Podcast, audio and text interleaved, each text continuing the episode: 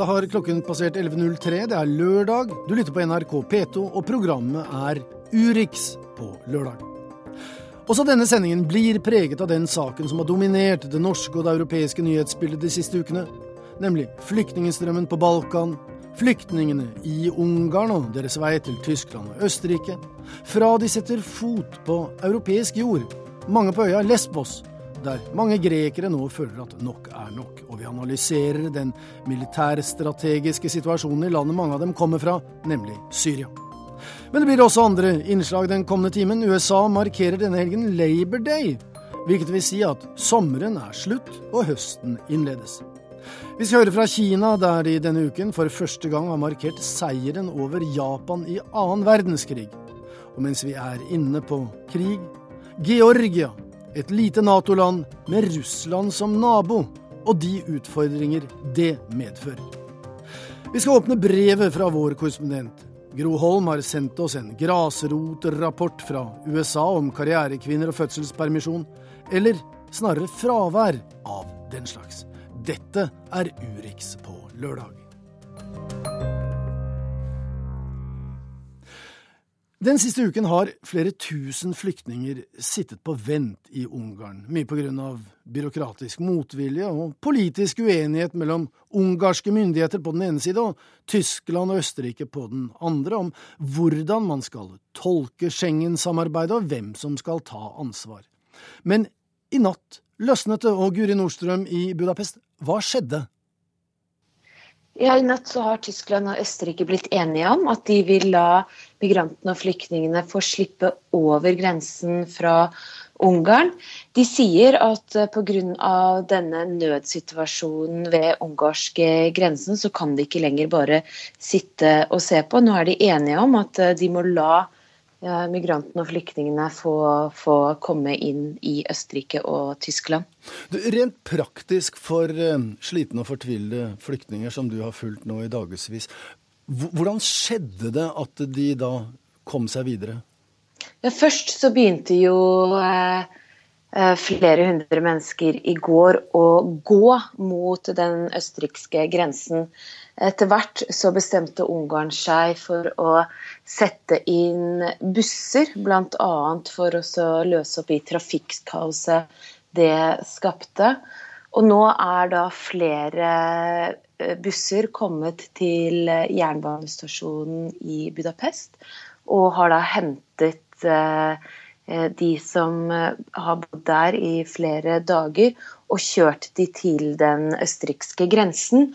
Og de forteller at eh, da flyktningene og migrantene kom over der, så var det flere østerrikskere frivillige som sto med velkommenplakater. De delte ut vann og mat.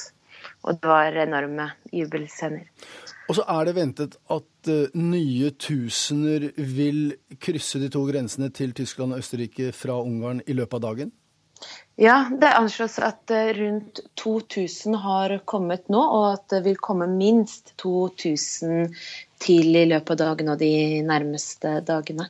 Det, det er jo langt frem før denne delen av denne flyktningkrisen har funnet sin løsning. Men betyr altså da nattens utvikling og det som nå har skjedd i løpet av morgentimen, at den akutte konflikten i hvert fall i Ungarn og mellom Ungarn og de to nabolandene er løst rent midlertidig? Rent midlertidig så ja, fordi nå blir, da, nå blir det jo ryddet opp på jernbanestasjonen i, her i Budapest, slik at man ikke lenger skal måtte ha over 1000 mennesker som sover der under, på asfalten under åpen himmel. Eh, så det blir det nok. Samtidig så er det jo og et spørsmål om hvor holdbart eh, dette vil være i lengden. Vet jo at det er veldig mange som eh, er andre steder i Ungarn, i Serbia, som også ønsker seg til, til eh, Tyskland. Så spørsmålet er jo hva som skjer med dem nå. I går så vedtok den ungarske nasjonalparlamentet her at det skulle bli innføres tre års fengselsstraff hvis noen forsøkte å komme seg gjennom dette piggtrådgjerdet man har satt opp langs eh, grensa mot Serbia. Spørsmålet er jo nå hvor mye ungarske myndigheter vil eh, håndheve akkurat det, hvis de vet at de likevel bare kan slippe folk gjennom, og de straks etter eh, reiser rett til Østerrike og Tyskland. Og Da sier vi takk til Guri Nordstrøm i Budapest, og det er ingen tvil. Selv om flyktningeproblemet i den ungarske hovedstaden nå er midlertidig løst, så er det flere flyktninger, tusenvis underveis. Og selv om mange av dem er rammet av krig og er ofre for væpnet konflikt, så møtes de med stadig stigende skepsis, ikke minst på den mest fremskutte øya, Lesbos, der de fleste sitter setter foten på europeisk jord først, og noen av dem blir møtt av vår reporter Åse Marit Befring.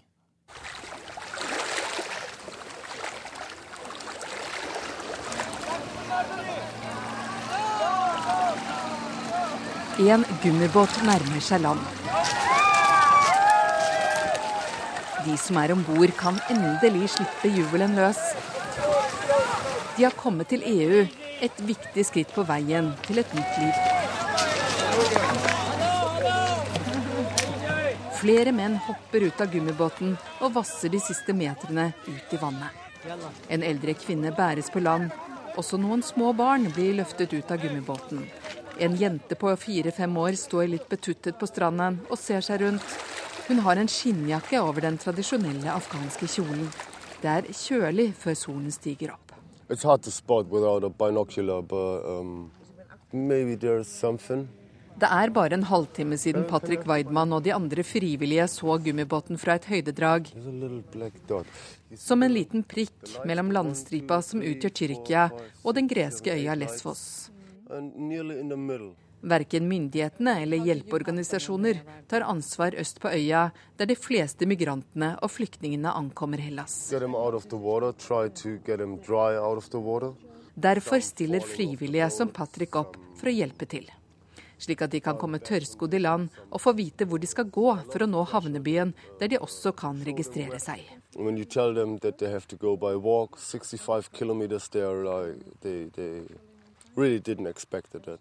Når du sier at de må gå 65 km for å komme dit, blir de overrasket, sier han.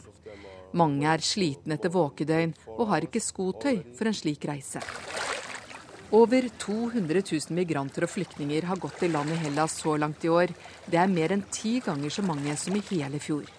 Men de som lever av turisme på Lesvos, er ikke like glad for de nye gjestene destroy, destroy our, um, our uh, business. Um, we try to do something, have a very nice environment, and all this situation uh.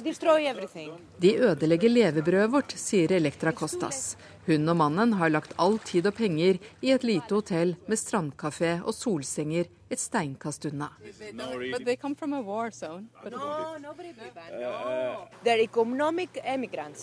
De har ikke noe sympati med dem som kommer.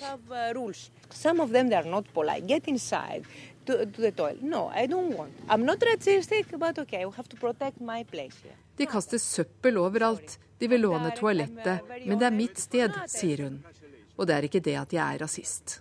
Flyktningene må krysse den 70 km lange øya for å komme over på den andre siden og havnebyen Mitilini. Men de har blitt altfor mange til at de lokale myndighetene klarer å håndtere situasjonen. over 20,000 migrants and refugees here in Lesbos, and we have four uh, ferry boats. Vi har 20 000 flyktninger og migranter, og bare fire ferjeavganger i uka. Det gir seg selv. Regnestykket går ikke opp sier Andreotis Marios, som er pressetalsmann for de lokale myndighetene. Snart har vi 25 000 her. Det er unntakstilstand, sier han. Eric, Tyske Patrick vil likevel ikke ta håpet fra dem som kommer. The most of, of Syrians I meet, they, they ask me where I'm from. I, I say I'm from Germany. Most of them start to smile. Yeah, I want to go to Germany. Blah blah blah.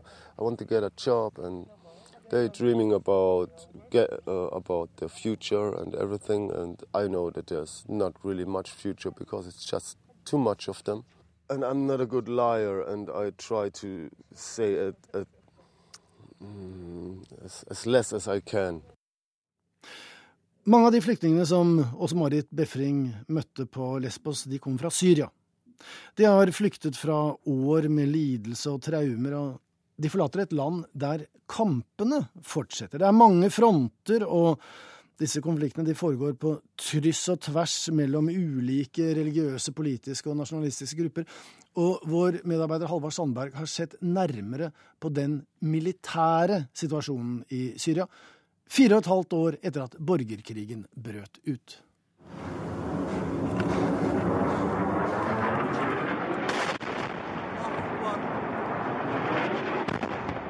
Dette er lyden av en tønnebombe før den treffer. Det høres nesten ut som et jagerfly, men de blir sluppet fra helikopteret. Eksplosjonen er alltid kraftig. Tønnene som brukes nå, har fra 500 til 1000 kilo sprengstoff i seg. Ofte er det pakket skrapjern i tønnene også, for å skape splinter. Det internasjonale samfunnet kritiserer bruken, Sikkerhetsrådet krever at regjeringsstyrkene slutter å bruke dem. Til tross for styrefinnene de nå er utstyrt med, er de unøyaktige våpen. Leveringsmåten, dyttet ut fra helikopter i stor høyde, gjør heller ikke noe bra med treffsikkerheten. De brukes derfor mot store mål, ansamlinger av hus. En enkelt tønne kan rasere en boligblokk. Det skjedde igjen og igjen i byen Duma utenfor Damaskus for et par uker siden. Nyhetskameraene fanget opp et drama 22.8. En ung jente har overlevd et tønnebombeangrep og blir gravd opp av ruinene. Rundt henne i den sammenraste boligblokken ligger hele den nærmeste familien døde. Hun ble reddet av noen solide bjelker det gjorde ikke et titalls andre barn i det samme angrepet denne dagen. Bruken av tønnebomber blir beskrevet som den største terroren for sivilbefolkningen. Bruken har bare økt etter at FN fordømte dem. Tall tyder på at en tiendedel av alle som er drept i konflikten, er drept med tønnebomber. opprørerne som slåss mot Assads folk og soldater, og andre opprørere, for slik har det blitt, har sine egne våpen som også kan beskrives som terroriserende.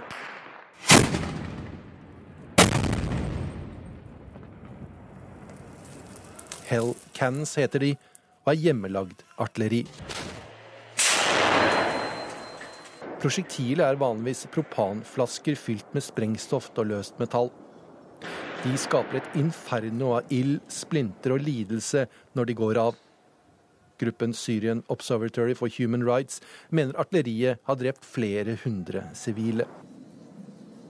Disse våpnene brukes ikke overalt der det føres krig i Syria, for krigen i Syria er som godt kjent et lappeteppe. Det mest brukte våpenet er fortsatt Kalasjnikov. Allahu Akbar!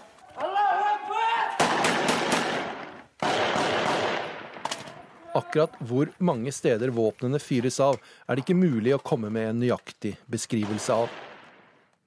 Det er hundrevis av små og store konflikter.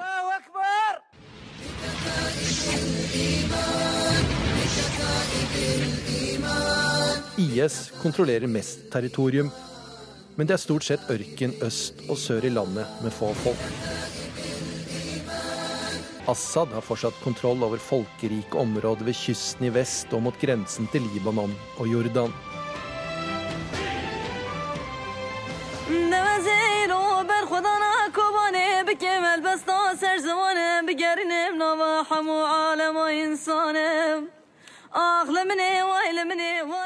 Kurderne har makten nord i landet, bortsett fra områder i vest der IS og opprørsgrupper står sterkt.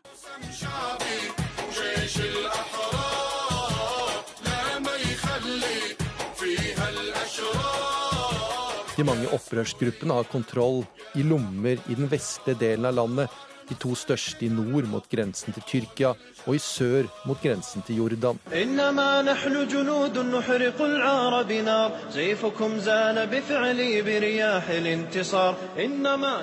Al-Nusra-fronten har også mange lommer. men de er mindre og bare i den nordvestlige delen av landet. Krigføringen i landet varierer med terrenget og hvem som strider mot hvem. Det har vært få store slag, men mye lidelse. Vi hører opprørere som slår hull i veggene inni en boligblokk. De bygger festninger inne i boligområder. For mesteparten av krigføringen i landet føres i bebygde områder, og det er stillingskrig som kan ligne på første verdenskrig. I mange områder har ikke frontlinjene endret seg vesentlig på flere år, og det åpner for noen sære taktikker.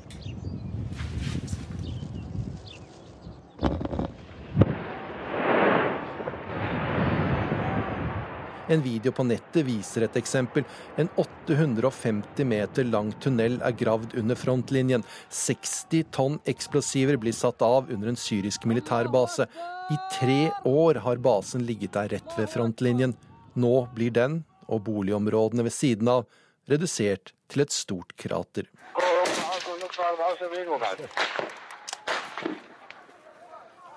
I Syria er det også krigføring som vi kjenner fra middelalderen, beleiringskrig. Det skjer nesten overalt. Små områder kontrollert av opprørere eller regjeringen blir forsøkt sultet ut.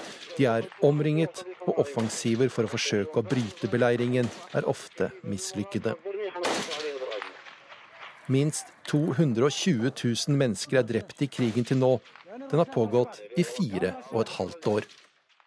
Det sa Halvard Sandberg, og med dette militariserte bakteppet samt et lydbilde som virker adskillig sterkere på dem som opplever det i nærmiljøet enn de gjør på radioen, så kan det være viktig å se på den internasjonale flyktningsituasjonen i et globalt perspektiv. For det er 60 millioner flyktninger i verden, inkludert såkalt internt fordrevne, altså flyktninger i eget land som ikke har krysset en landegrense.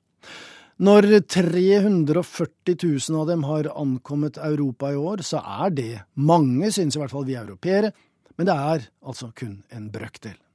Og så er det ingen nyhet. Flyktninger har vi hatt siden tidenes morgen.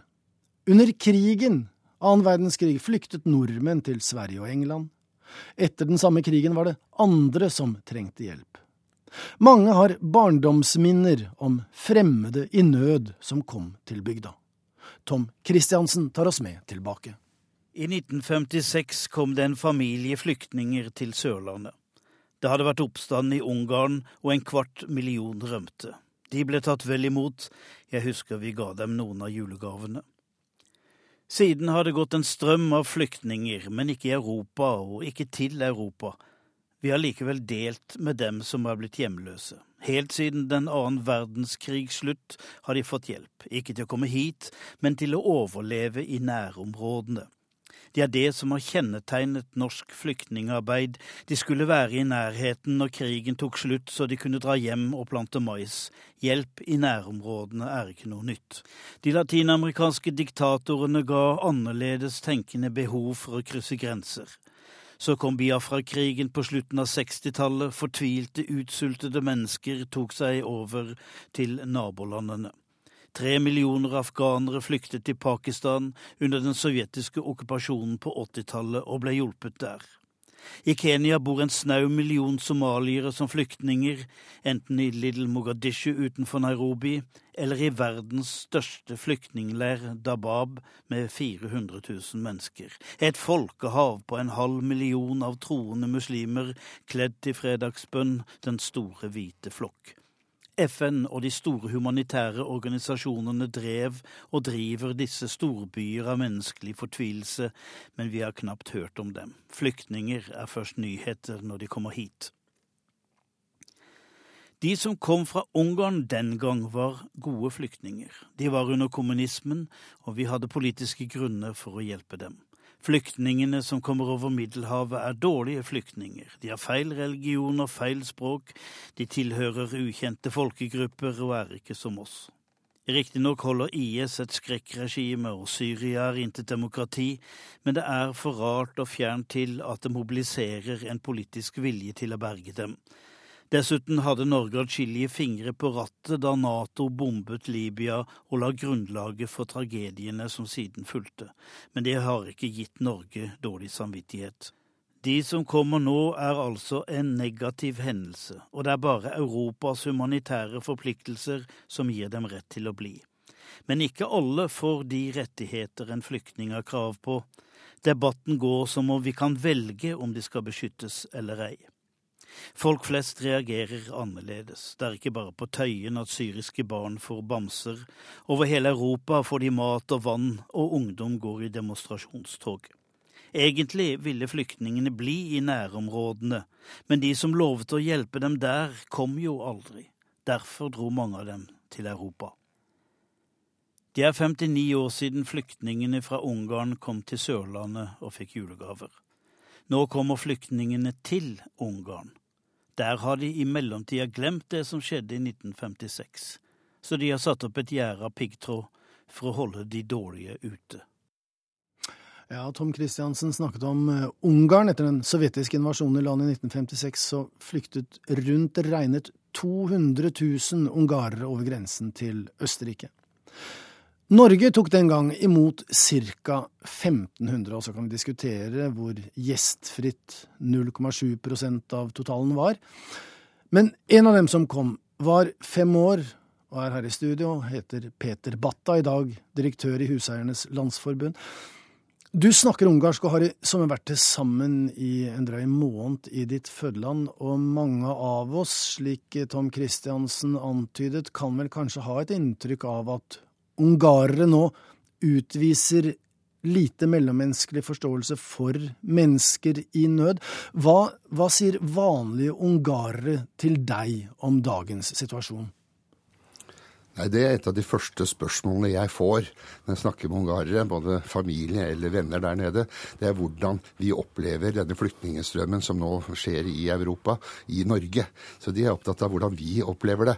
For der nede så eh, føler de dette som eh, nokså dramatisk. Det er, det er enorme eh, menneskestrømmer. Snakker om 100 000 hittil i år som har passert grensen inn i Ungarn. Og man vet ikke hva man skal gjøre. Ungarn er fremdeles eh, dårlig stilt eh, økonomisk etter finanskrisen. Har en arbeidsledighet på mellom 10-15 eh, Så de har nok egentlig med å sørge for sine egne. Og det er litt av bakgrunnen for at, at de nå føler usikkerhet på hvordan de skal takle denne folkestrømmen. Men vet de at kanskje nordmenn og andre ikke helt forstår dette med grensegjerde og, og det jeg kalte en kanskje litt eh, lite forståelsesfull behandling av flyktninger? Ja, det er nok både mye historie som er bakgrunnen for dette her, eh, samtidig som at Ungarn er tross alt grenselandet i Schengen, altså inn i EU-sonen, europagrensene. De, de, har fått pålegg om å passe på eh, de som kommer inn gjennom Schengen, for, for, fordi de etter å ha kommet inn i Ungarn har mulighet til å reise hvor som helst rundt innenfor Schengen-området, som er praktisk talt hele Europa. Så, så, så det er jo en av grunnene til at de der nede føler at de er grensevakter og har et eget ansvar for å sørge for grensene inn i, i, i Europa. Så i den forstand så stiller de seg mer bak sin egen statsminister Viktor Urban enn Tysklands forbundskansler Angela Merkel? Ja, de er vel nokså usikre på hvor Merkel befinner seg, for hun er jo nokså liberal nå og har jo sagt at Tyskland skal ta imot 800 000 fly av disse flyktningene. Og ønsker også en fordelingsnøkkel på alle de andre landene, som kan føre til at mange fattige eh, land i Øst-Europa, Øst eh, Italia, Hellas, eh, vil få pålegg om å ta imot mange flere enn det de kanskje har mulighet for økonomisk ut fra sin situasjon. Samtidig så sa du før vi gikk i studio at Ungarn er jo et land av og for flyktninger gjennom hundrevis av år. Ungarere har alltid flykta. Det har alltid vært krig og konflikt, så de har tatt imot og gitt etter hvert som grenser og folk har vært i bevegelse i Sentral-Europa. Er det noe vi må tenke på for å forstå dagens situasjon? Ja, Ungarn har en helt annen politisk historie enn det Norge har. Og det var grenseflyttinger hele veien fra Ungarn ble stiftet 900, på 900-tallet til dags dato, inntil de kom inn i Nato i 1996, så har det vært omtrent vedvarende grenseflytting. Ungarn har vært på tapernes side i, i begge verdenskrigene. Og for det så var det okkupert av tyrkerne fra 1550 til 1700. I 150 år så, så var det en ganske brutal eh, makt som rådet over ungarerne i sitt eget land. Så dette ligger latent selvfølgelig den dag i dag, at de, de, de har vært underlagt og undertrykket av tyrkerne i Ungarn i 150 år. Er det da en Tyrkia-skepsis som også kommer til overflaten i Ungarn? Altså dårlig behandling eh, under det osmanske riket. Nå lar tyrkerne disse flyktningene slippe igjennom Tyrkia, over Balkan og opp til Schengen-grensen, slik at det er ungarerne som får ansvaret og skylda for det de kanskje mener at Tyrkia kunne gjort mer for å løse? Ja, dette ligger innebygget i sjela at eh, nesten hver ungar, og de lærer på skolen fra, fra barneskolen av, de lærer sin historie, men, men legges stor vekt på den tiden de var underordnet tyrkerne. Og det var en veldig negativ og, og, og vanskelig tid for de som bodde i landet den gangen.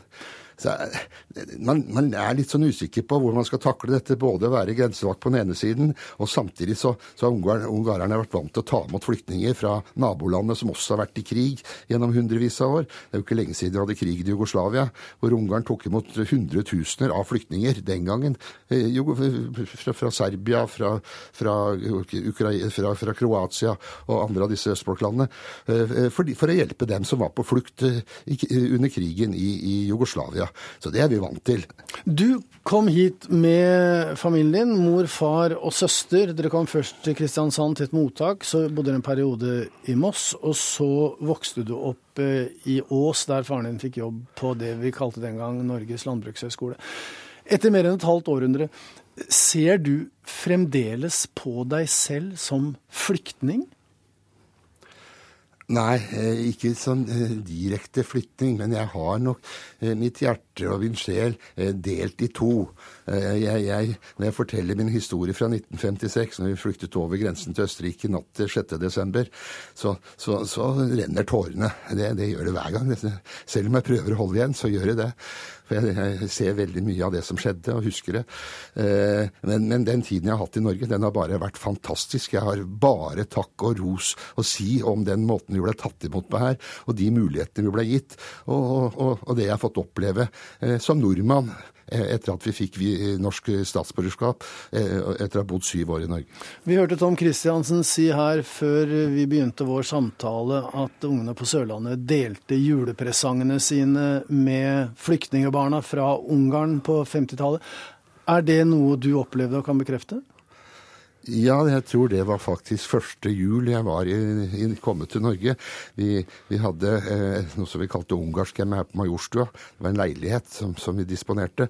Og så hadde vi en del møter i, i Prestenes kirke, som også ligger i, her på Majorstua.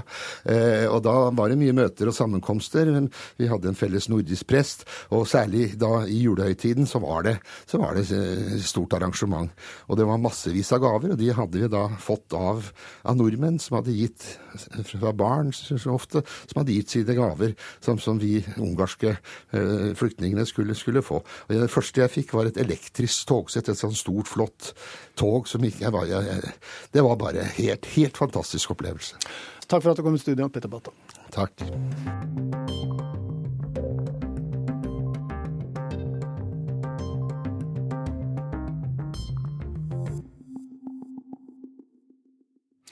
Denne helgen er det langhelg i USA, for på mandag feirer amerikanerne Labor Day, altså arbeidets dag, og den markeres i langt større grad i USA enn 1. mai her hjemme, til tross for at bare 11% av arbeidstagerne er fagorganisert. Men så har Labor Day også da fått en noe utvidet betydning i den amerikanske kulturen, forteller Wenche Eriksen. Det er ikke dette som er lyden av en typisk amerikansk Labor Day, men dette. Og dette. Barbecue på grillen, piknik i parken en siste dag på stranden. Sommerens uoffisielle slutt. Before du fyrer up the grill on this Labor Day. Picnic perfect fried chicken and some Texas beef tenderloin. That's right. Yeah. Well, many friends and families here in Western Massachusetts are just counting the minutes until their end of summer getaway. Labor Day starts officially at 6 o'clock tomorrow night. If you run into crowded roads, the Labor Day weekend is almost here, and traffic is already heavy on mountain interstates. 35 and a half million Americans expected to travel this weekend. 35 millioner amerikanere er på reisefot i løpet av Labor Day-helgen for å få med seg den aller siste smaken av sommer, de aller fleste i bil. For på tirsdag gjør høsten sitt inntog, kanskje ikke værmessig, men med alt som ellers hører med. Klasserommene som har vært tomme i tre lange måneder, fylles opp igjen av skolebarn. De folkevalgte i Washington, som ofte oppfører seg som skolebarn, tar opp igjen arbeid i Kongressen etter fem ukers pause, og Iran-avtalen er en av de første tingene de tar fatt på og en ny NFL-sesong i amerikansk fotball starter like etter. Det er på tide å kaste av seg sommerens frivolitet og get back to business. It's our Labor Day sale happening now. For a limited time, choose one of these recliners now for only $3.99. It's the biggest Labor Day event ever at Automax. Drive for as little as $99 down. Save 20 to 50% on every item during Freed's incredible Labor Day sale. It's the Chevy Labor Day sale, and 0% financing for 72 months is back. The Labor Day sale. Labor Day er big business i USA, med salg, salg, salg overalt. Varehandelen er fullstendig klar over at når amerikanerne har fri, så shopper de. Noen oversikter viser at nettopp Labor Day er den nest mest innbringende salgsdagen i året. Bare Black Friday, dagen etter thanksgiving i slutten av november, er større. Ikke så rent lite ironisk er det da at på arbeidets dag så må millioner av amerikanske butikkansatte gjøre nettopp det jobbe når andre har fri. Én av fire arbeidsplasser i USA er innenfor varehandelen. Ingen annen virksomhet ansetter flere. Men bare 3% av dem er medlem av en fagforening, ifølge USAs arbeidsdirektorat.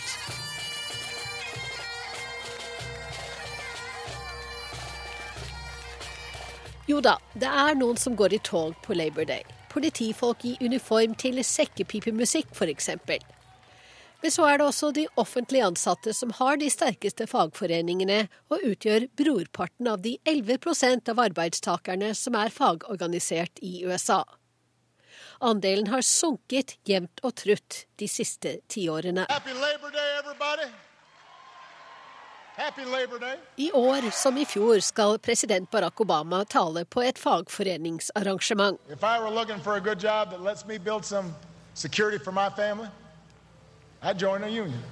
Men amerikanere flest gjør jo ikke det, og feirer heller ikke Labor Day slik mange feirer 1. mai. Dagen ble forresten erklært nasjonal helligdag allerede i 1887, og president Grover Cleveland la den til september. Han ville nemlig fjerne markeringen mest mulig fra de dødelige sammenstøtene mellom politi og arbeidere som krevde åtte timers arbeidsdag under en demonstrasjon i Chicago i mai året før.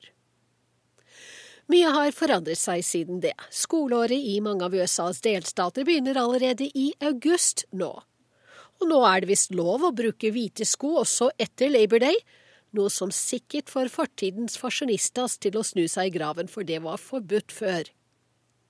Men Labor Day er fortsatt alltid på den første mandagen i september, og i år kan amerikanske bilister som skal ut på veiene, glede seg over en for oss vanvittig lav bensinpris på rundt fem kroner literen. Experts say prices at the pump will be the lowest they've been for Labor Day weekend in the past 10 years. Og nå Kina. Landet som denne uken for første gang markerte seieren mot Japan under annen verdenskrig, og de kineserne gjorde det med en voldsom militærparade, som nok gjorde mange kinesiske hjerter stolte, og mange ikke-kinesere noe bekymret. Men selv om det ikke er vanskelig å røre i antijapanske følelser i Kina, så har forholdet til egen krigshistorie vært vanskelig forteller Petter Svaar, som var på Den himmelske freds plass under paraden. Ingenting var overlatt til tilfeldighetene. Selv den uvanlig blå Beijing-himmelen hadde vært planlagt i ukevis. Tre år inn i Xi Jinpings presidentperiode skulle han denne uken hilse sin første militærparade, og han gjorde det med venstre hånd, et signal om fred i kinesisk filosofi. Men de nye langdistanserakettene Kina skal vise fram, virker langt fra fredelige. Dongfeng 21-raketten som ble vist frem for aller første gang denne uken, er f.eks. spesiallaget for å senke et hangarskip. Amerikanerne kaller den en carrier killer.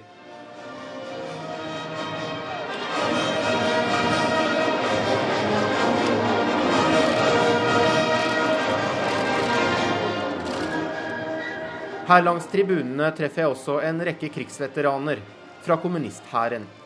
Som Yao Hongzang, som har pyntet seg med både medaljer og stråhatt.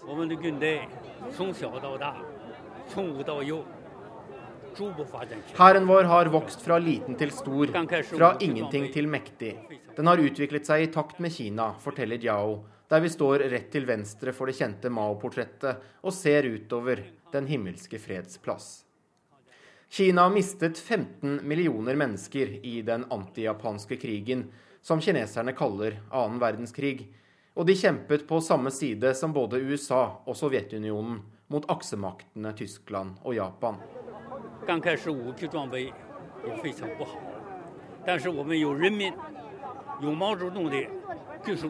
Utstyret vårt var dårlig, men vi hadde støtte fra folket og fra Mao Zedong og vi kjempet i åtte år mot japanerne, sier Yao, som var del av Maos kommunisthær fra 1937 og frem til krigens slutt. Men det som har gjort krigshistorien vanskelig å snakke om, var at den japanske invasjonen skjedde midt i Kinas egen borgerkrig. Og det var Kuomintang-nasjonalistene under Chiang Kai-shek og ikke Mao som påførte Japan de største tapene. I 30 år etter at nasjonalistene ble jaget ut i 1949, var krigen mot Japan et ikke-tema.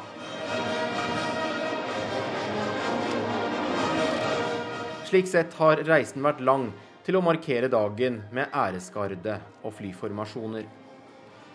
Faktisk har Kumintang de siste årene blitt nærmest historisk ekspressrehabilitert. Veteraner i nasjonalisthæren kunne i 1949 oppleve å bli skutt eller sendt i arbeidsleire. I dag var flere av dem invitert som gjester. På tribunen her i Beijing satt også nasjonalistenes tidligere partisjef Lien Chan, men det var et symbol på forsoning så sterkt at Taiwans president fatt all grunn til å beklage det. Lien sa han kom til Beijing som privatperson, uten at det dempet kritikken noe særlig.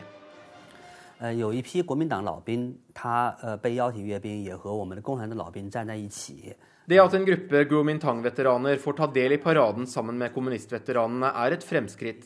Det er virkelig et fremskritt, sier Tang Jiangguang, som er en journalist her i Beijing som har spesialisert seg på å skrive om kinesisk historie.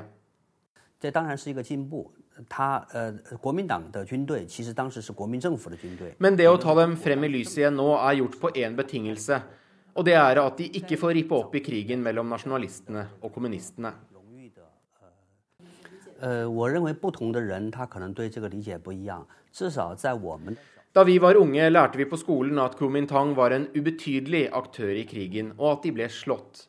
Men ser vi nærmere etter, vet vi at virkeligheten ikke var akkurat slik, sier Tang, som mener Kina nå må dokumentere opplevelsene til krigsveteranene før det er for sent. Uh,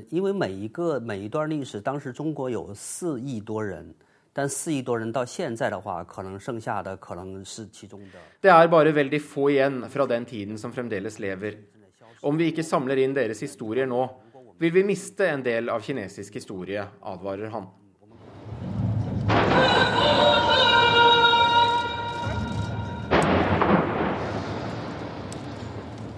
Men på Tiananmen denne uken ble historien ikke mistet, den ble skapt. For det er jo slik med historie at det alltid er vinnerne som får skrive den.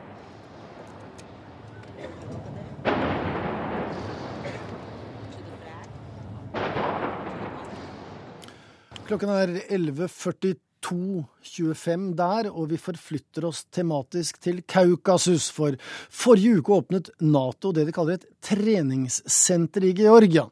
Det lille landet sør for fjellene får dermed en permanent installasjon fra den vestlige forsvarsalliansen. Starten på en Nato-base, har vært kommentarene fra russisk hold. Samtidig har russiskkontrollerte styrker i praksis tatt kontroll over en av de to viktige oljeledningene som går gjennom nettopp Georgia fra Aserbajdsjan til Tyrkia. NRKs Moskva-korrespondent Morten Jentoft har nettopp besøkt Georgia og laget denne reportasjen for Urix på lørdag. And we will be more visible Georgia, and Georgia's commitment to international peace Natos generalsekretær Jens Stoltenberg på talerstolen i Kritsanisi-leiren utenfor den georgiske hovedstaden Tiblisi torsdag i forrige uke. Under ledelse av norske offiserer er det her bygd opp et treningssenter der georgiske soldater og offiserer får øve sammen med kollegaer fra Nato. Ingen base, sier Nato, men utvilsomt en symbolsk tilstedeværelse som legges merke til. Hva slags reaksjoner får du fra georgiske politikere på at Nato nå engasjerer seg mer her? De er veldig glad for det. For de er veldig glad for å se at Nato er til stede. Eh, dette er et land som har eh, fremmede styrker på sin egen jord, som hver dag sliter med at eh, grensen deres er under press. I'm very glad to be together with you here today. Men festtalene til tross, Nato og Jens Stoltenberg har med sitt økte engasjement i Georgia også blitt en større part i en av de mest kompliserte også farligste konfliktene i Europa. Uh, uh, uh, unfortunately, Russia, the optics from Moscow is different, but jeg traff Georgias utenriksminister Tamar Berushasvili på flyplassen i Tiblisi, der hun ventet på å ta imot generalsekretær Stoltenberg. Jo da, Berushasvili sa at hun er fullstendig klar over at Russland ser helt annerledes på det som Nato og Georgia kaller et treningssenter. Er dette en fordekt begynnelse på opprettelsen av en Nato-basen, har tonen vært fra Moskva både før og etter besøket til Stoltenberg i forrige uke. Så gikk den erfarne diplomaten og politikeren Tamar Berushasvili ut på den røde løperen for å ta imot Stoltenberg. Det var noe av det siste hun gjorde som georgisk utenriksminister. 1.9 ble hun fjernet fra posten av uklare årsaker. Det er ikke lett å forstå hva som skjer i kulissene i georgisk politikk. Og Georgia er virkelig et vepsebol som fort kan surre ut av kontroll, slik som det skjedde så seint som i 2008. Smoke rises above the Georgian city Gori, for it is these men Russian soldiers who are firmly in control da forsøkte Georgia med makt å ta tilbake kontroll over den ene av to utbryterregioner, Sør-Ossetia. Og det hele endte med at russiske styrker gikk inn i landet og jaget de georgiske soldatene på flukt, slik som vi hørte bl.a. Michael Weir fra CNN rapportere om her. Vladimir Putin, who is not known to mingle with these words, publicly managed to kill me. I'm almost the only one walking around for Mikael Saakashvili, mannen som sto i spissen for roserevolusjonen i 2003 og året etter ble valgt til president i Georgia, og som ble en helt i Vesten, ble krigen mot Russland i 2008 en katastrofe. Mange mente, og mener han må bære en stor del av skylden for at Russland i dag står med begge beina plantet langt inne på georgisk territorium. Siden den gangen har Russland opprettet det de selv kaller to selvstendige land, Abrasia og Sør-Ossetia, innenfor Georgias landegrenser. Og spenningsnivået er fremdeles høyt. I midten av juli i år flyttet like godt grensevakter fra Sør-Ossetia, som i praksis er kontrollert fra Moskva, grensegjerdet flere hundre meter inn på georgisk område, bare en drøy times kjøring fra Tiblisi. Nå ligger dermed den strategisk svært viktige oljeledningen fra Baku i Aserbajdsjan til Supsa ved Svartehavskysten inne på russiskkontrollert område. Og på det nærmeste går grensen mellom Sør-Ossetia og Georgia bare 500 meter fra hovedveien som knytter den vestlige og østlige delen av Georgia sammen. Means a lot for us, for our country, for our people. It means it, is a, the expression of solidarity and support to Georgia and to Georgian. Og selvfølgelig var det en glad og fornøyd georgisk statsminister Irakli Garibashvili, for øvrig med sine 33 år, en av de yngste statslederne i Europa, som sammen med Jens Stoltenberg åpnet Natos treningssenter utenfor Tiblisi i slutten av august.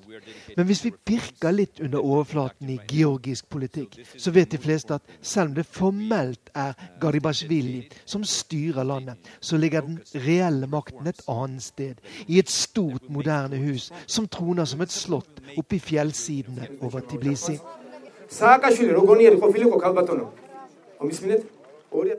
Der holder denne mannen til, Bizani Ivanishvili, en 59 år gammel forretningsmann som skapte seg en formue i den russiske hovedstaden Moskva på 1990-tallet, og som brukte deler av denne da han for noen år siden kom tilbake til hjemlandet. I 2012 vant hans parti Den georgiske drøm parlamentsvalget, og Ivanishvili ble landets statsminister etter kraftig kritikk mot president Saakashvili. Nå har Mikhail Saakashvili jaget fra Georgia etter anklager om korrupsjon og maktmisbruk. Mens forretningsmannen Ivanishvili raskt trakk seg tilbake fra aktiv politikk og nå styrer landet fra kulissene.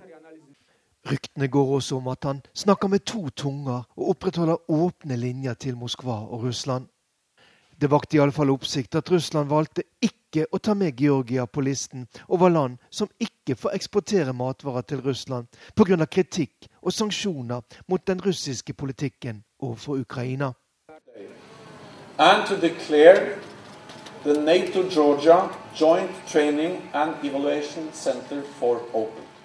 Derfor er det mange som lurer på om Nato og Jens Stoltenberg har full oversikt over hva som skjer når de nå etablerer seg på georgisk jord med et treningssenter utenfor Tiblisi. Georgia og Kaukasus kommer nok til å romme nok av utfordringer for det internasjonale samfunnet i lang tid framover.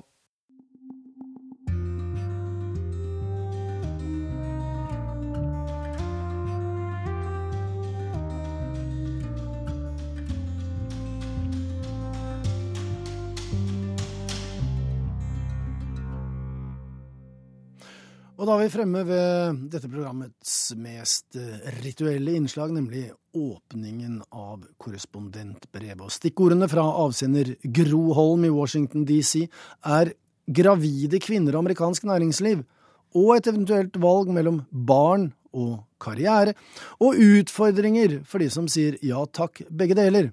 Og believe me, som dette på de kanter, det er mye der ute i verden som er veldig forskjellig fra Norge. Det ville vært fantastisk om arbeidsgiver kunne ta regningen for å fryse ned eggene mine, sier Sara Alaoui.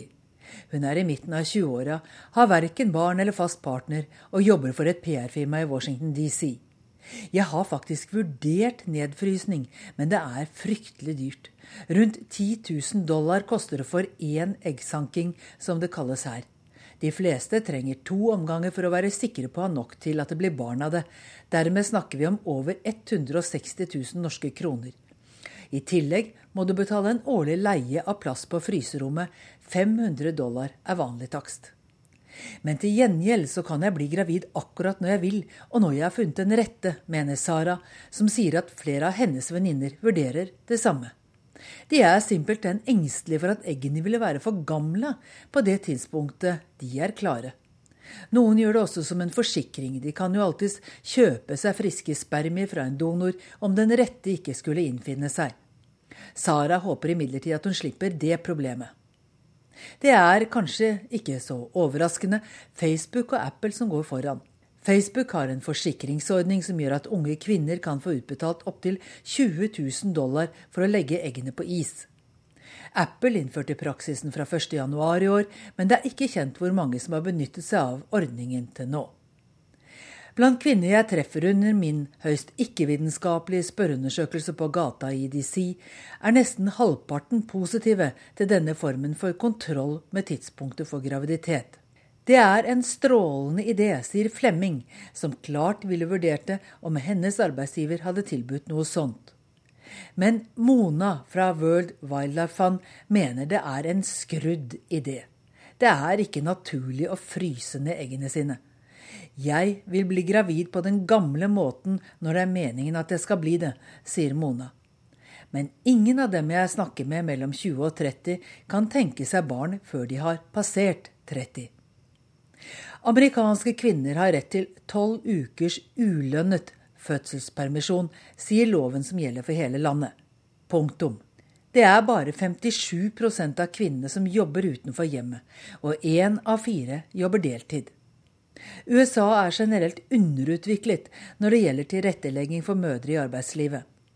Her jeg bor, i en ganske så velstående forstad til DC, er det nesten bare kvinner som går tur med bikkja på formiddagen. Det er de heldige, de som ikke trenger å jobbe fordi mannens inntekt er så høy. Flere av dem har høyere utdannelse, men det ramlet ut av arbeidslivet da det første barnet kom. Nå har altså næringslivet begynt å forstå at det er ulønnsomt, ikke bare for storsamfunnet, men for det enkelte foretak.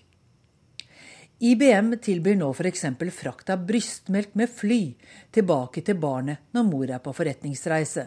Flere lar mødrene få pumpe brystmelk i arbeidstida.